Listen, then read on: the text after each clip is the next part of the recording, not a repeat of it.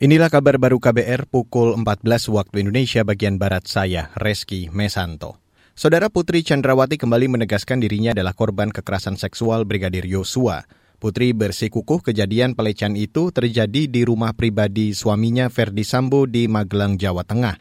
Sambil terisak, Putri menjawab pertanyaan hakim yang ragu peristiwa itu benar terjadi setelah mendengar penjelasan dari Ferdi Sambo. Yang mulia, sebagai korban kekerasan seksual, tidaklah mudah untuk menyampaikan bahkan kepada suami saya sendiri saja saya sebenarnya malu karena saya tidak tahu apakah saya bila saya mengutarakan peristiwa tersebut suami saya akan mencintai saya dan mau menerima saya kembali.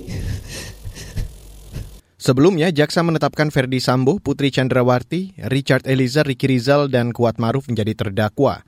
Kelimanya diduga terlibat dalam peristiwa pembunuhan Brigadir Yosua pada 8 Juli 2022 lalu di rumah dinas Sambo Duren 3, Jakarta Selatan. Lima terdakwa didakwa pasal 340 dengan hukuman maksimal mencapai hukuman mati.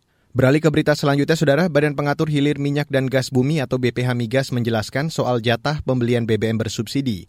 Anggota BPH Migas Salih Abdurrahman menjelaskan, nantinya pembeli tidak bisa lagi membeli BBM bersubsidi di SPBU mana pun jika jatahnya telah terpakai. Mengutip CNN Indonesia, Saleh menjelaskan langkah itu untuk memperketat pembelian BBM bersubsidi dan memastikan subsidi tepat sasaran. Nantinya, SPBU akan terintegrasi menggunakan sistem teknologi informasi atau IT, seperti yang dilakukan PT Pertamina Persero melalui aplikasi My Pertamina. Saleh menjelaskan aturan mengenai pembatasan pembelian untuk BBM jenis solar sebetulnya sudah ada.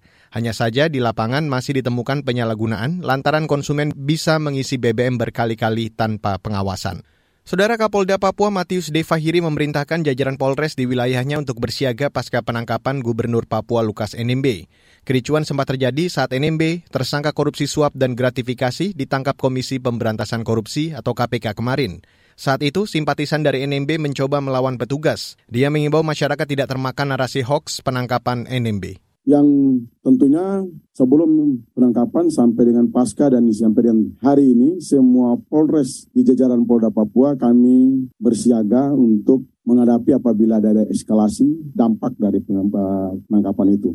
Nah, kami berharap, saya selaku Kapolda berharap mudah-mudahan masyarakat yang makin hari makin cerdas bisa membedakan mana itu proses penegakan hukum, mana orang yang selalu mau untuk Papua kacau.